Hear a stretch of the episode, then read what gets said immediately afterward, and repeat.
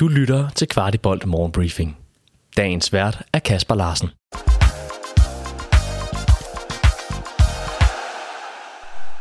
Onsdag den 3. maj, og vi lægger ud med nyheden om, at vores tidligere Head of People and Culture, Christian Engel, har fået nyt job.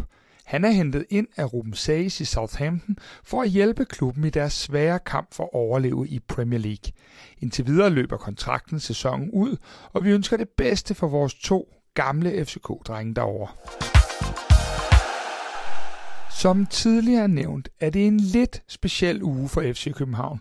Torsdag er der pokalsemifinal, og først mandag skal vi i aktion i Superligaen. Begge gange mod FC Nordsjælland. Det betyder, at spillerne har taktisk træning i dag onsdag før kampen i parken torsdag aften. Fredag er der så restitutionstræning, inden de lørdag og søndag forbereder sig på slaget i farve mandag. FC København meddeler i øvrigt, at træningen søndag lukkes af for offentligheden, hvilket er yderst naturligt lige før en afgørende kamp. Er den værste del af skuffelsen så småt ved at forlade kroppen? Hvad enten den er eller ej, var det et privilegium at få et stærkt blik på kampen udefra af vores tidligere angriber David Nielsen i søndags. I får lige en lille lydbid for udsendelsen her. David Nielsen, hvordan med, med den trup, som FCK har, åbner man bedst op for en, øh, for en fembakkæde, hvis, hvis det var dig, der stod med opgaven?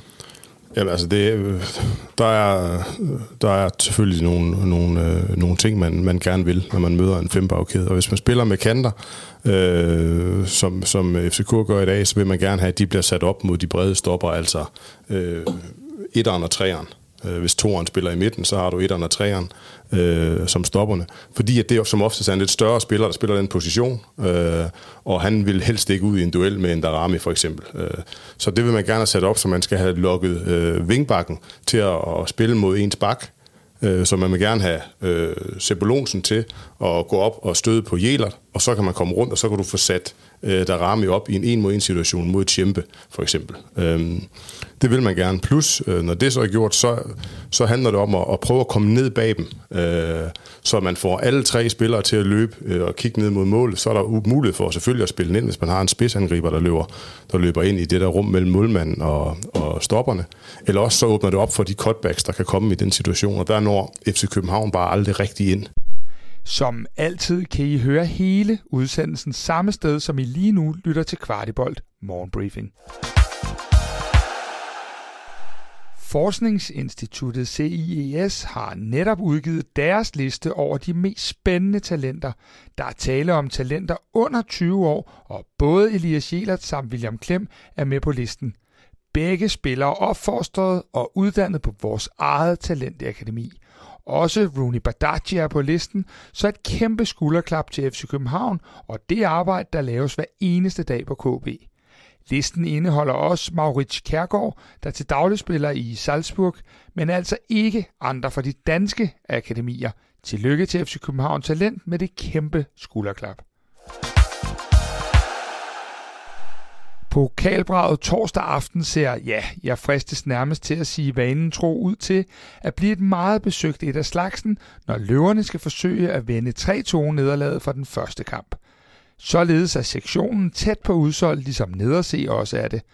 Og der tælles ikke udebanemål i parken, så vinder FC København med præcis et mål, skal kampen i forlænget spilletid og derefter straffespark. Og netop straffespark har der været en del debat omkring, efter at Dennis Vavro brændte i søndags. Nistor fortalte i mixzone, at Diogo var vores første valg, men at han jo var taget ud, og derfor har Vavro igennem de seneste uger været andet valget til at sparke. På torsdag kan Nes så komme i den situation, at han skal finde hele fem skytter til en eventuel straffesparkskonkurrence. Et andet spørgsmål, der i den forbindelse optager mange, er hvorvidt advarsler føres over i Superligaen, hvis vi skulle ryge ud af pokalen. Det er kun røde kort, der overføres, hvis vi forlader pokalen torsdag, og altså ikke eventuelle advarsler.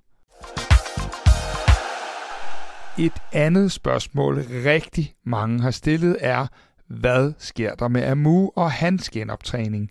FC København bekræfter over for Bold.dk, at Amu i øjeblikket genoptræner i hjemlandet Nigeria, og at man løbende er i dialog med forbundet. Amu er stadig i genoptræningsfasen og ikke i spil mere i denne sæson.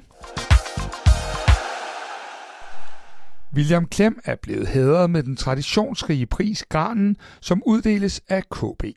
Her går han i spillere som Thomas Delaney, William Kvist samt Jonas Vinds fodspor – Klem siger til FCK TV, at han er stolt og han er beæret, men at der også følger pres og forventninger med sådan en pris. Så far er William noteret for 18 kampe for løverne. Du har lyttet til Kvartibolt Morgenbriefing. Vi er tilbage i morgen med byens bedste overblik over FCK-nyheder.